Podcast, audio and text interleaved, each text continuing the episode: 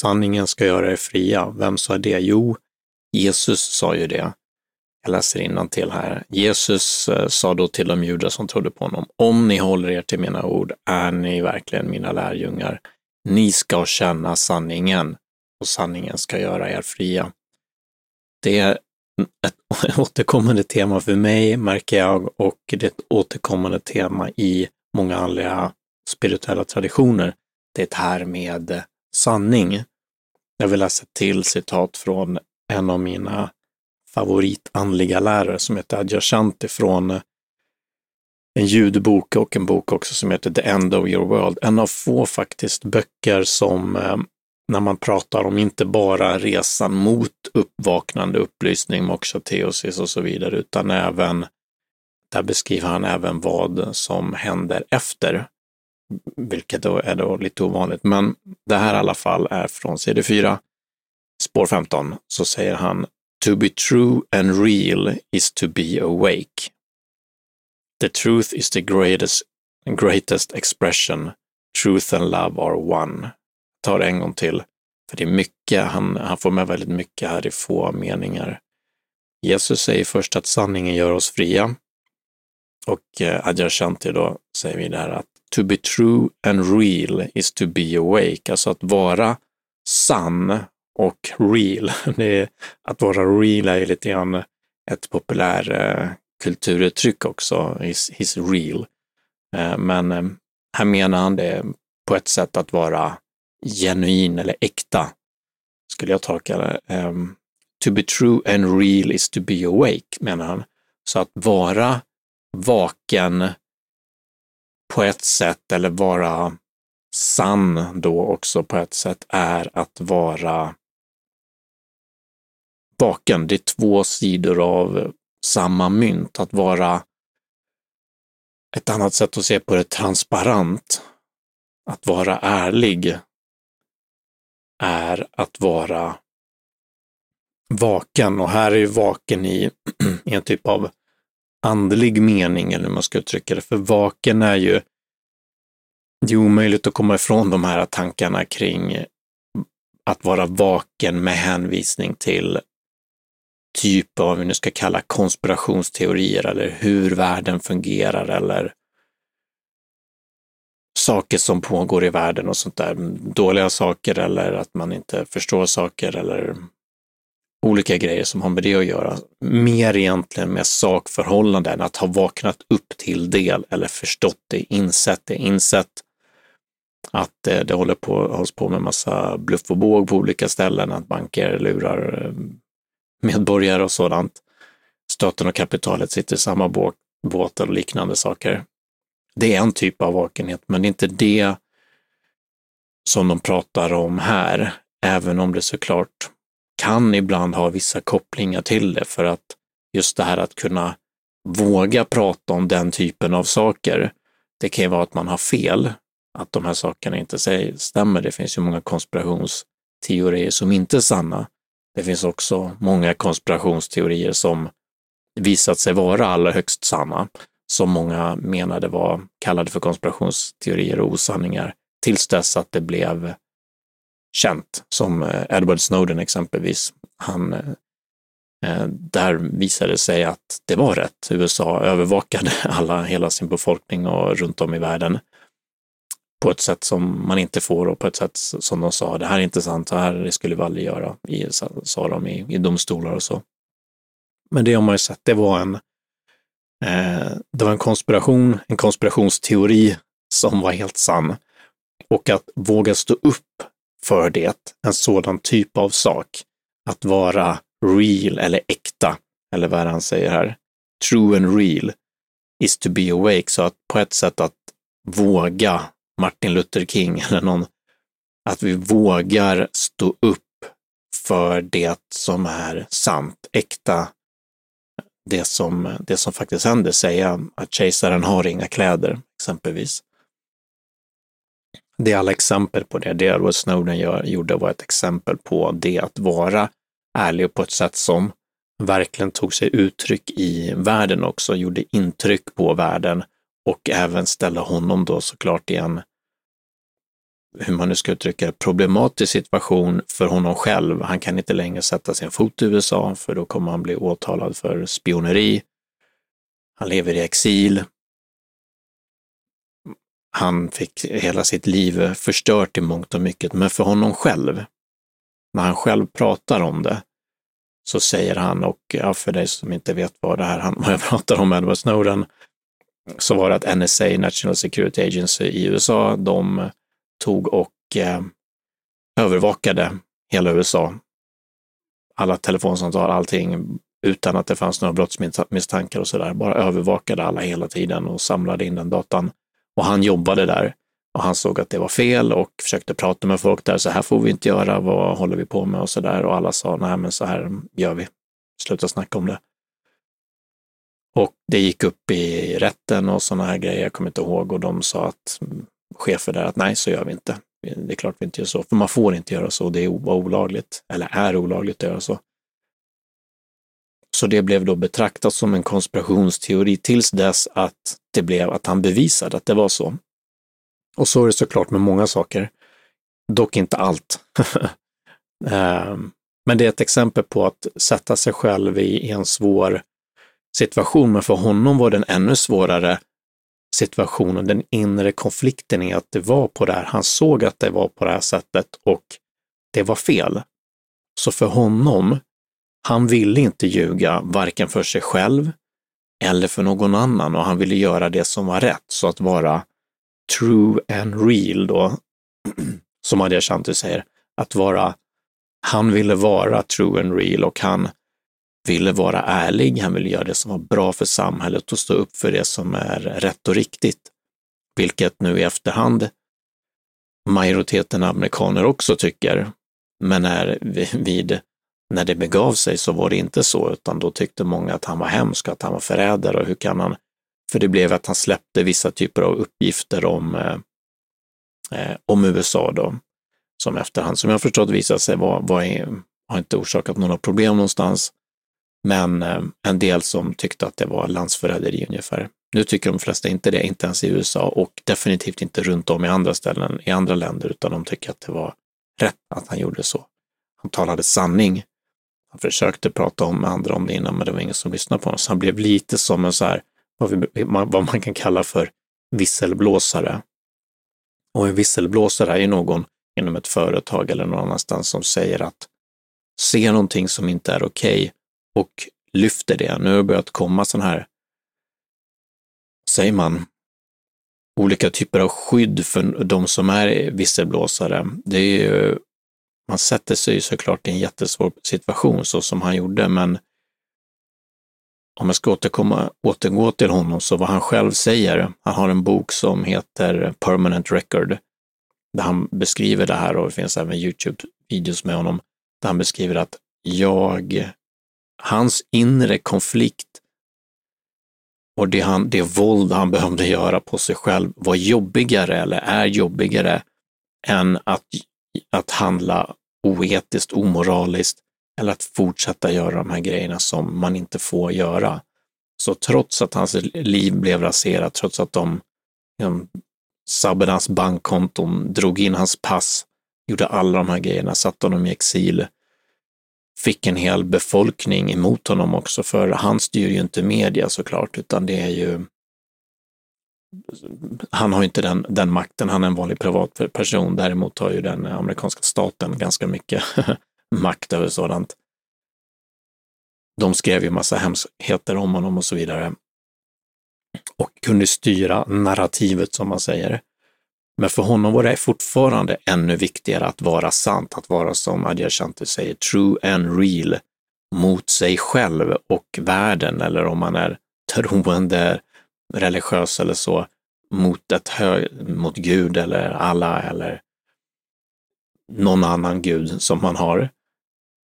Och tro att tron, att, ja, att man är sig själv gentemot den eller att man är, lever upp till de förväntningarna, någonting som är viktigare än vad kollegorna säger på jobbet då för Edward Snowden eller viktigare än vad amerikanska staten, eller till och med viktigare än vad alla människor i USA säger och tycker om honom. För när han följer sin inre kompass av att vara sann och äkta, så talade han sanning och han menar att det gjorde honom fri. Trots det att han blev hamnade i exil i, i Ryssland. Adyashanti säger vidare här i den här um, citatet då. The truth is the greatest expression. Så sanningen är det vackraste eller största, bästa uttrycket. Så Edward Snowden var sann. Han var sann mot sig själv och sina egna värderingar och följde då ändå sin egen inre kompass och sa att det här är fel. Och vad väldigt många som gör den typen av saker råkar ut för igen då, är massvis av problem.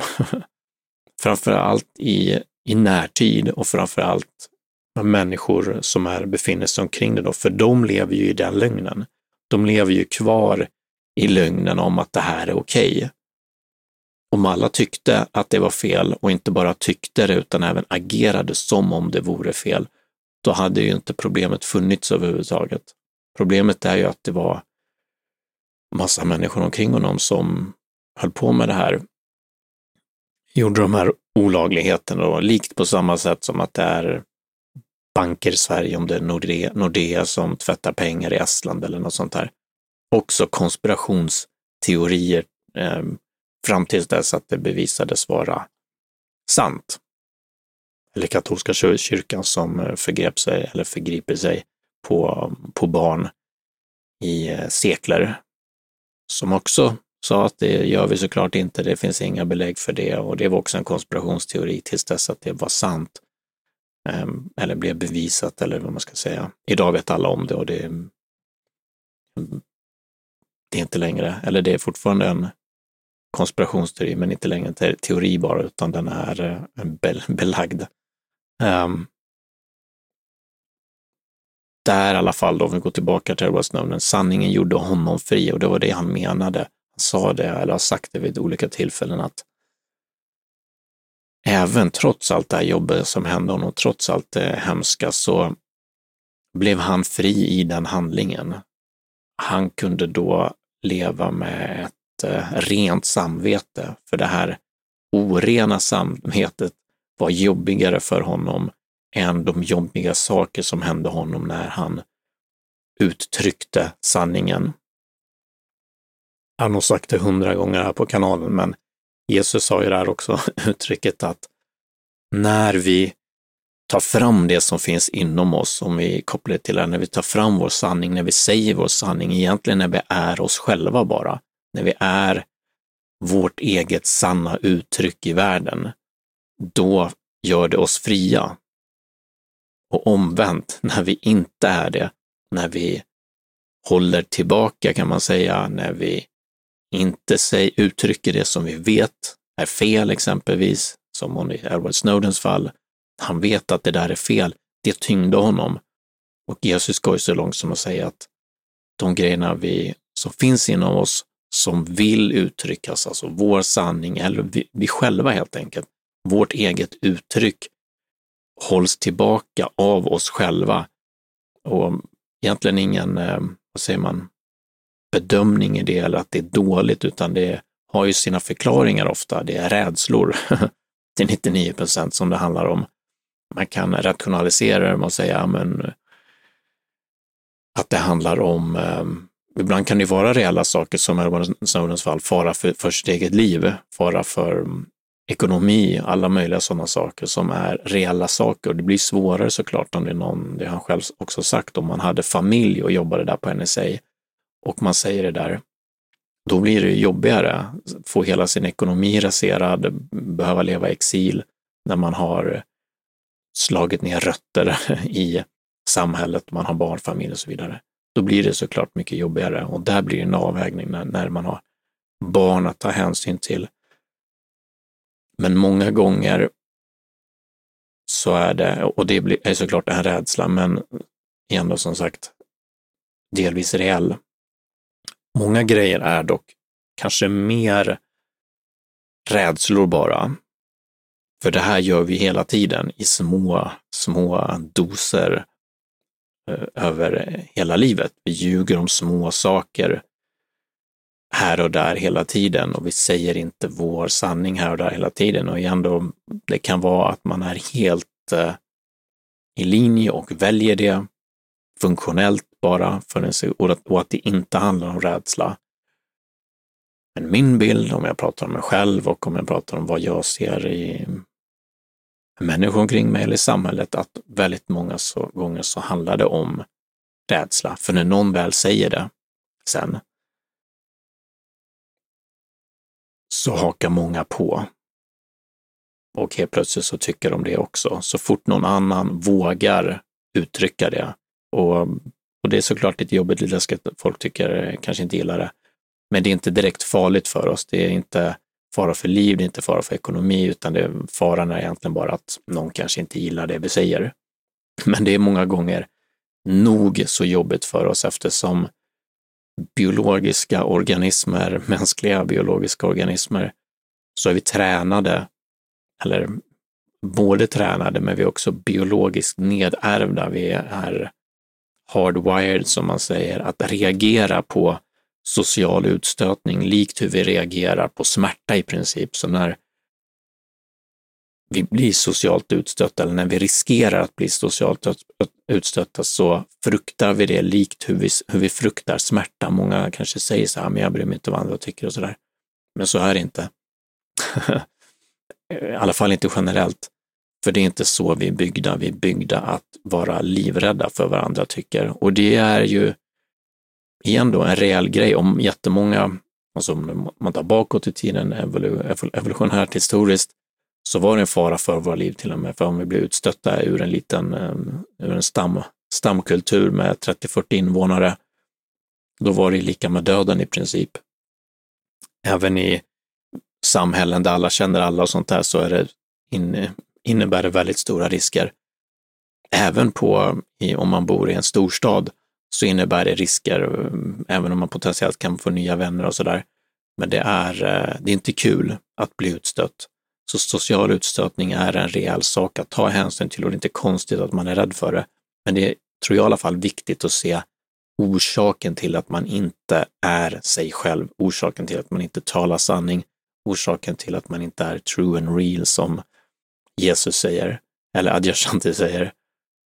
Var kommer det ifrån att göra en sån här inquiry, fråga sig själv, vad vad är det som hindrar mig här från att uttrycka mig själv, vara mig själv? Sista grejen som Adyashanti säger där är, i det här citatet, är att truth and love are one. Det är också en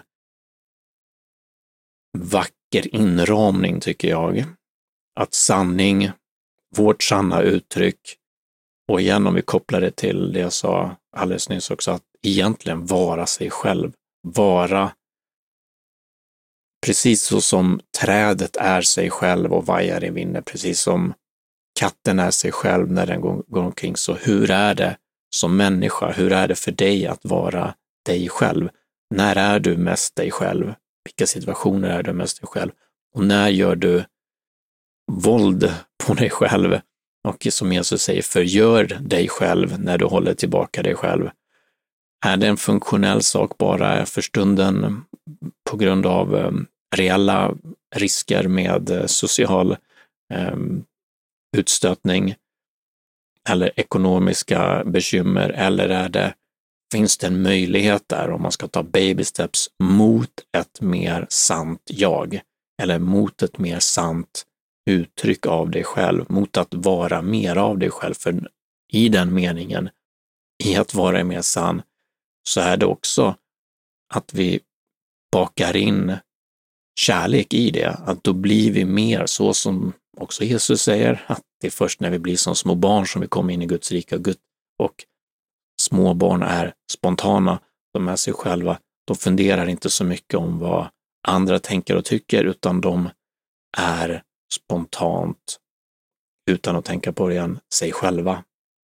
De är spontant kärleksfulla i sina uttryck. Det betyder inte att de inte kan göra elaka saker mot andra, men de är mer spontana, mer sig själva, för de har inte utöver, ja, med mänsklig utveckling eller att vi, om man tar PCs eh, utvecklingsstadier, så när barn blir äldre så kommer ju också förmågan till mer abstrakt tänkande och förmågan att kunna sätta sig in i människors, andra människors perspektiv och förstå bara den grejen att andra omkring mig tänker annorlunda än jag och har tankar om mig som jag kanske tycker att det är jobbigt att de har och då börjar jag anpassa mig efter dem för att inte ändå råka ut för den här sociala utstötningen. Men vad de här traditionerna pratar om många gånger är att vi kan gå, komma tillbaka.